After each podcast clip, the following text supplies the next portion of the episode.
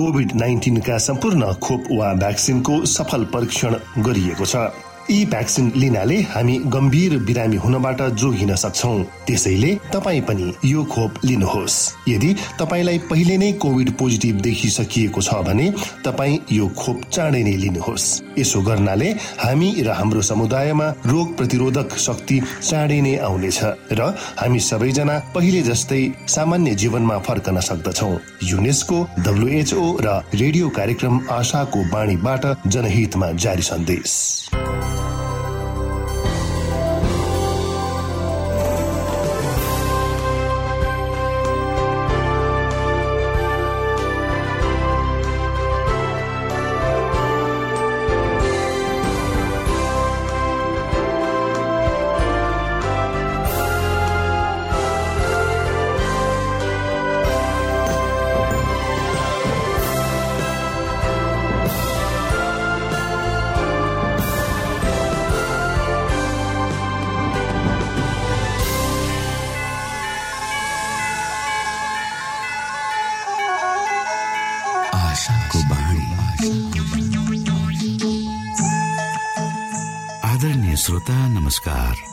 समय तपाईँ Adventist world रेडियोको प्रस्तुति भोइस अफ होप आशाको बाणी कार्यक्रम सुन्दै हुनुहुन्छ। कार्यक्रम प्रस्तुता म रवि यो समय तपाईँको साथमा छु। आफ्ना कामहरू अनि व्यस्ततालाई एकातिर राखेर हामीसँग केही समय बिताउने क्रममा यहाँ हुनुहुन्छ। हामी यहाँलाई हाम्रो कार्यक्रममा सहभागी हुनका लागि अनुरोध गर्दछौँ। हामी साँचो परमेश्वर तपाईँलाई माया गर्ने परमेश्वर तपाईँलाई उद्धार गर्न चाहने परमेश्वरका विषयमा जानकारीहरू प्रस्तुत गर्ने क्रममा छौ। श्रोता यी जानकारीहरू तपाईँको निमित्त अति महत्वपूर्ण पनि हुन सक्दछन्।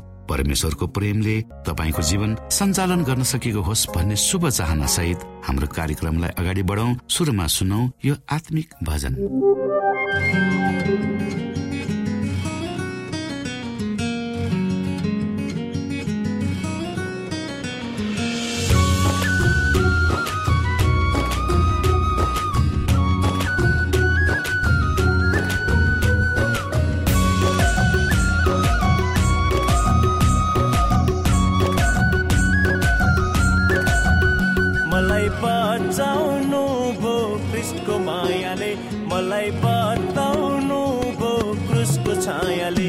life.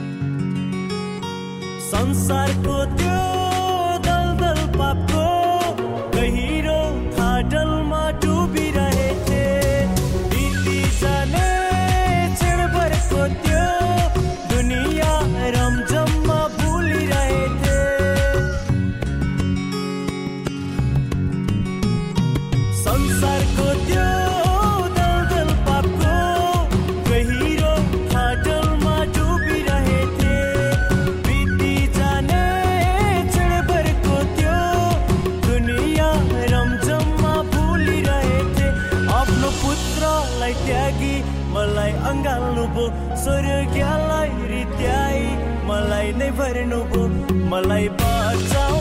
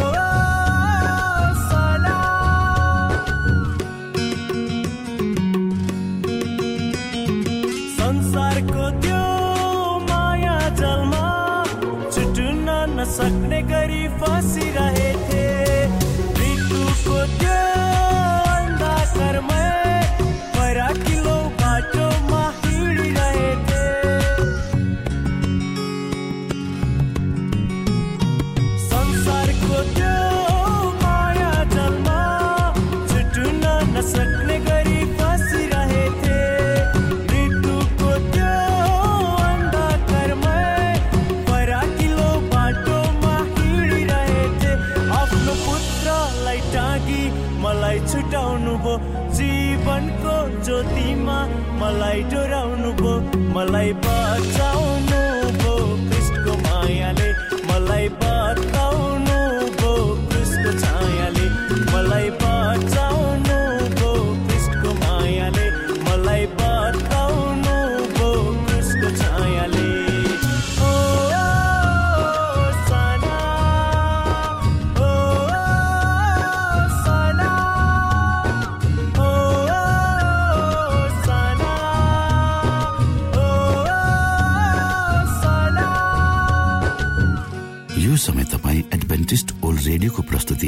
भोइस अफ होप आशाको बाणी कार्यक्रम सुन्दै हुनुहुन्छ।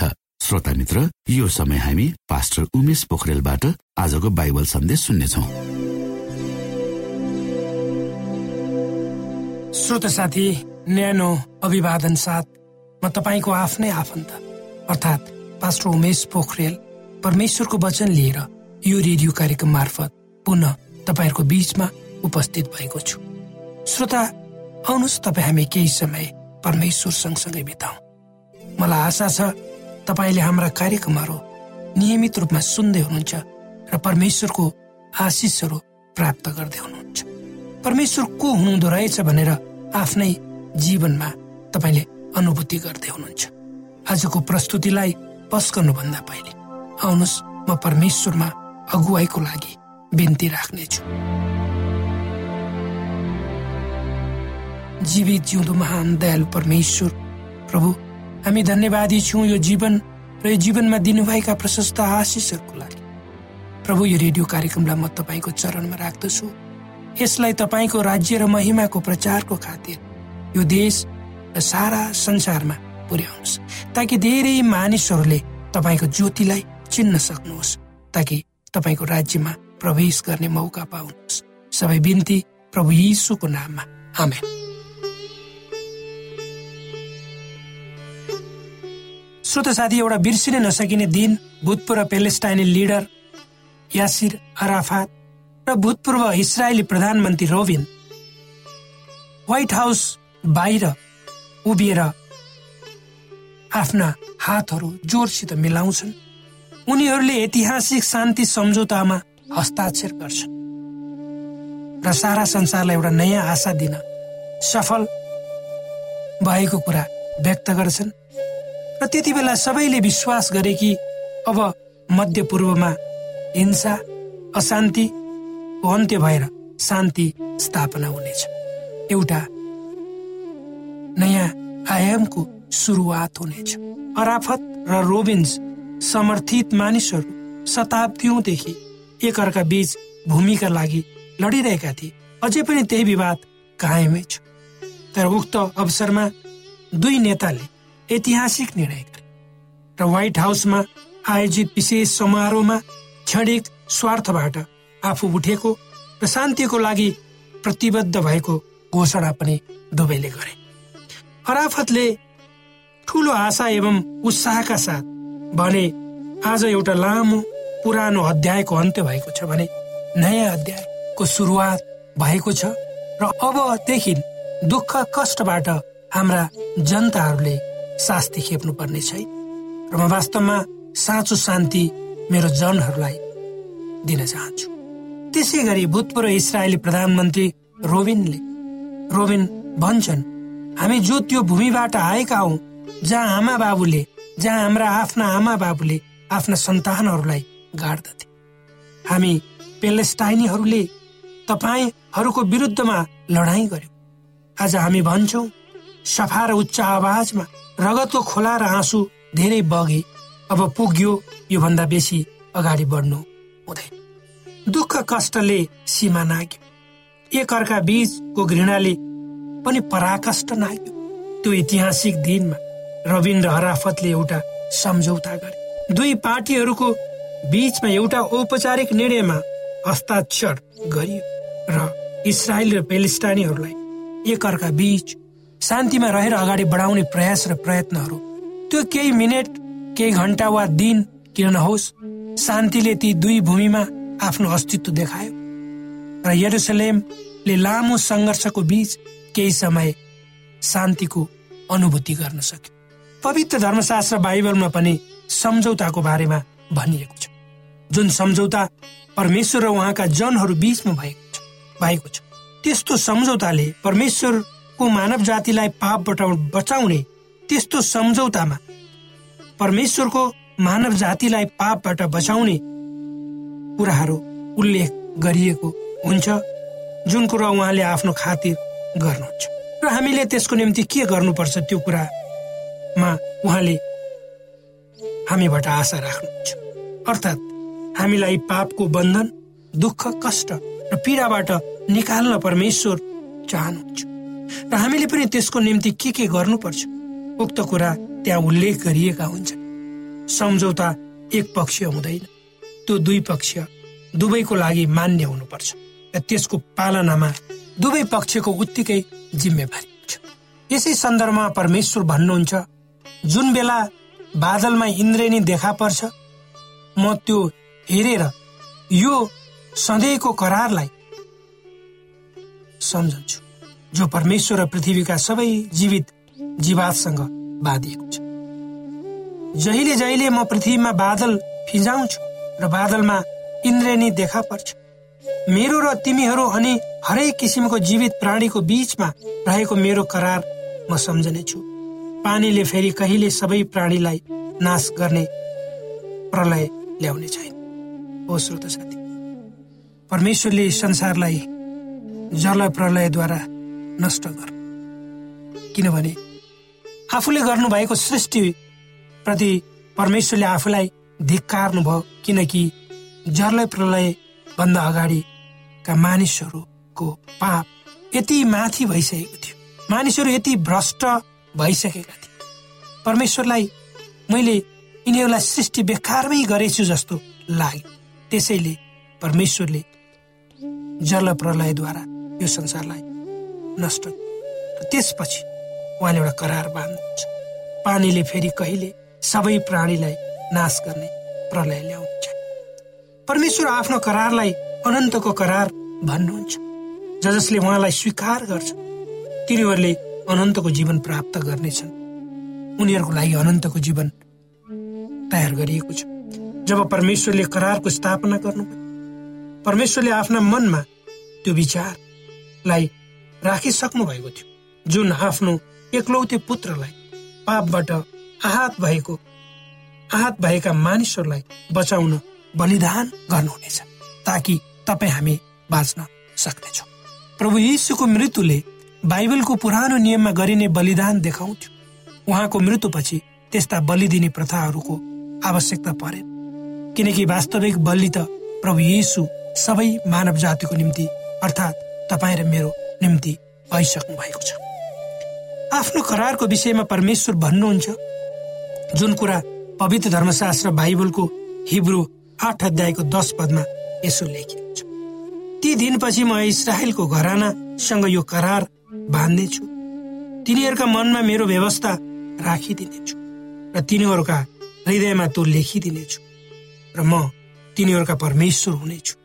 अनि तिनीहरू मेरा प्रजा हुनेछु यर्मिया एकतिस अध्यायको तेत्तिस पदमा परमेश्वर फेरि भन्नुहुन्छ ती दिनपछि म इसरायलको घरानासँग यो करार बाँध्छु। प्रभु यसोद्वारा हामीहरू परमेश्वरसँग एक भएका छौँ। परमेश्वरले उहाँको कानुन हाम्रो मन र हृदयमा लेखिदिनुहुन्छ। उहाँले आफ्नो कानुन हाम्रो दिमागमा लेख्नुहुन्छ। र त्यसै अनुसार हामी जिउँ भन्ने परमेश्वर चाहनुहुन्छ। र उहाँ हाम्रा हृदयमा आफ्ना नियमहरू लेख्न। र उहाँले हाम्रा हृदयमा आफ्ना नियमहरू लेख्नुहुन्छ ताकि हामी आफ्नो हृदयदेखि नै उहाँलाई माया गर्न सकौँ। पावल प्रेरितले एफिसीलाई लेखिएको आफ्नो पत्रमा यसो भन्छ किनभने अनुग्रहबाट विश्वासद्वारा तिमीहरूले उद्धार पाएको छौ। यो तिमीहरू आफैबाट होइन। यो त परमेश्वरको वरदान हो। कर्मद्वारा होइन नत्र त मानिसले घमण्ड शैतानले परमेश्वरको करारलाई भताभङ्ग पार्न खोज्छ। शैतान झुटको पिता हो। परमेश्वर र हाम्रो बीचमा बाँधिएको करारलाई भङ्ग गराएर हामीलाई धोकामा पार्न ऊ सदैव प्रयत्नरत हुन्छ। उसले भन्छ परमेश्वरको अनुग्रहले मानिसलाई परिवर्तन गर्न सक्दैन। र पाप यति शक्तिशाली छ कि प्रभु येशूको रगतले हामीलाई विजय गराउन सक्दैन। र हामी अवश्य नाश हुन्छौँ। अर्कोतिर शैतानले मानिसलाई भ्रममा पारिरहेको हुन्छ। र एक किसिमको झुटद्वारा डोहोऱ्याउन खोज्दछ। अर्थात् उसले मानिसलाई धोकामा पार्छ। र भन्छ परमेश्वरको भनाई मान्नु नमान्नुले परमेश्वरको भनाई मान्नु र नमान्नुले हाम्रो जीवनमा कुनै प्रभाव पार्दैन। तर सत्य के हो भने प्रभु येशूले मानिसलाई माथि उठ्न मद्दत गर्नुहुन्छ र उहाँको सत्यले हामीलाई हाम्रा सबै किसिमका कमजोरी र खराबीहरूबाट माथि उठाउन मद्दत गर्दछ। उहाँको प्रेमलाई तपाईँ हामीले तबसम्म स्वीकार गरेको ठहर्दैन। जबसम्म उहाँका आज्ञाहरूलाई हामी पालन गर्न तयार हुन्छौँ।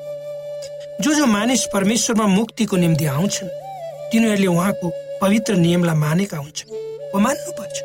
उनीहरूले उहाँका दश आज्ञाहरूलाई सम्मान गर्छन् जुन सारा मानव जाति र यो पृथ्वीको निम्ति नैतिक कानुन हो।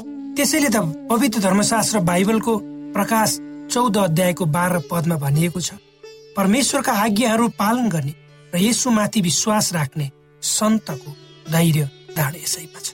अर्थात् जसले परमेश्वरका आज्ञाहरू पालन गर्छन् र प्रभु यीशुमाथि विश्वास गर्छन् तिनीहरू विजयी हुनेछन्। त्यति बेलाका धार्मिक अगुवाहरू प्रभु यीशु क्रिस्टको समयका धार्मिक अगुवाहरू आफ्नो समयका अगुवाहरूको विषयमा कुरा गर्दै प्रभु येशूले आफ्नो विषयमा यसो भन्नुभयो तिनीहरू व्यर्थमा मेरो उपासना गर्छ।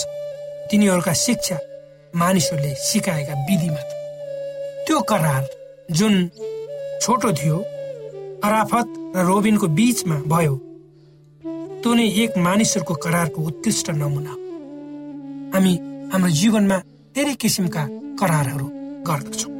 उनीहरूको कमजोरी भनेको त्यहाँ केवल बाहिरी शब्दहरू मात्र सम्झौता पेपरमा लेखिएको थियो।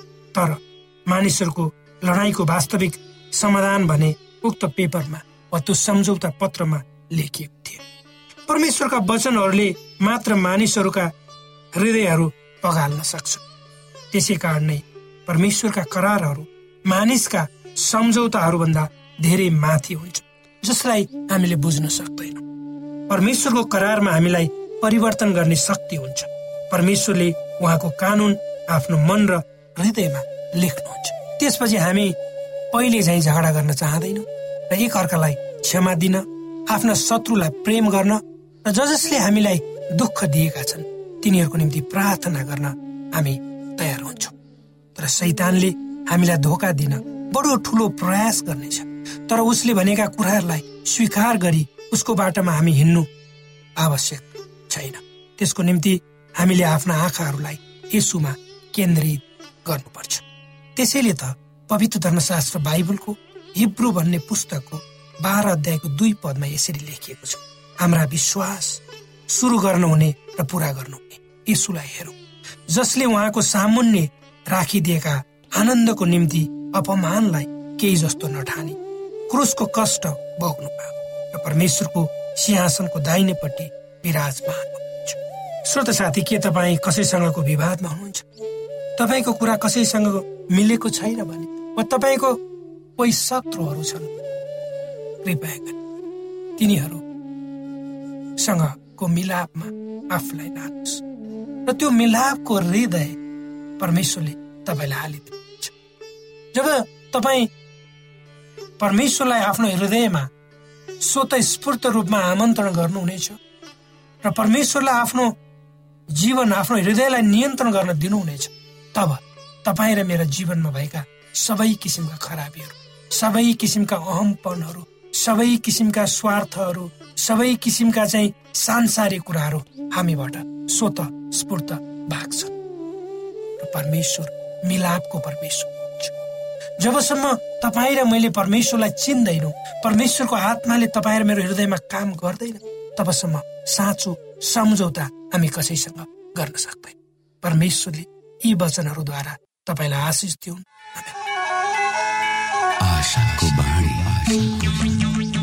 श्रोता भर्खरै यहाँले पास्टर उमेश पोखरेलबाट बाइबल वचन सुन्नुभयो।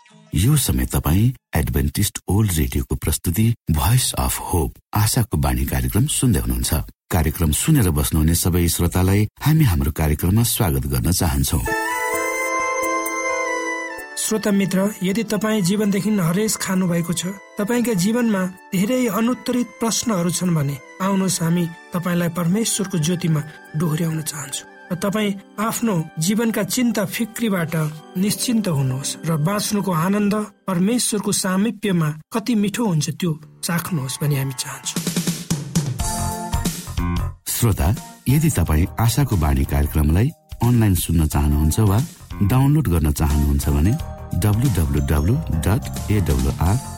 ओआरजीमा जानुहोस्। त्यहाँ तपाईँले प्रत्येक दिनको कार्यक्रम सुन्न र डाउनलोड गर्न सक्नुहुनेछ। हाम्रो वेब पेज यस प्रकार छ www.awr.org dot AWR dot ORG श्रोता यदि तपाईँ हामीसित सिधै फोनमा सम्पर्क गर्न चाहनुहुन्छ भने हाम्रा नम्बरहरू यस प्रकार छन्। अन्ठानब्बे एकसाठी पचपन्न शून्य एक सय बिस। अन्ठानब्बे एकसाठी पचपन्न शून्य एक सय बिस। र अर्को अन्ठानब्बे अठार त्रिपन्न पन्चानब्बे पचपन्न। अन्ठानब्बे अठार त्रिपन्न पन्चानब्बे पचपन्न। कोभिड नाइन्टिनका सम्पूर्ण खोप वा भ्याक्सिनको सफल परीक्षण गरिएको छ। यी भ्याक्सिन लिनाले हामी गम्भीर बिरामी हुनबाट जोगिन सक्छौँ। त्यसैले तपाईँ पनि यो खोप लिनुहोस्। यदि तपाईँलाई पहिले नै कोभिड पोजिटिभ देखिसकिएको छ भने तपाईँ यो खोप चाँडै नै लिनुहोस्। यसो गर्नाले हामी र हाम्रो समुदायमा रोग प्रतिरोधक शक्ति चाँडै नै आउनेछ र हामी सबैजना पहिले जस्तै सामान्य जीवनमा फर्कन सक्दछौ। युनेस्को डब्लुएचओ र रेडियो कार्यक्रम आशाको बाणीबाट जनहितमा जारी सन्देश।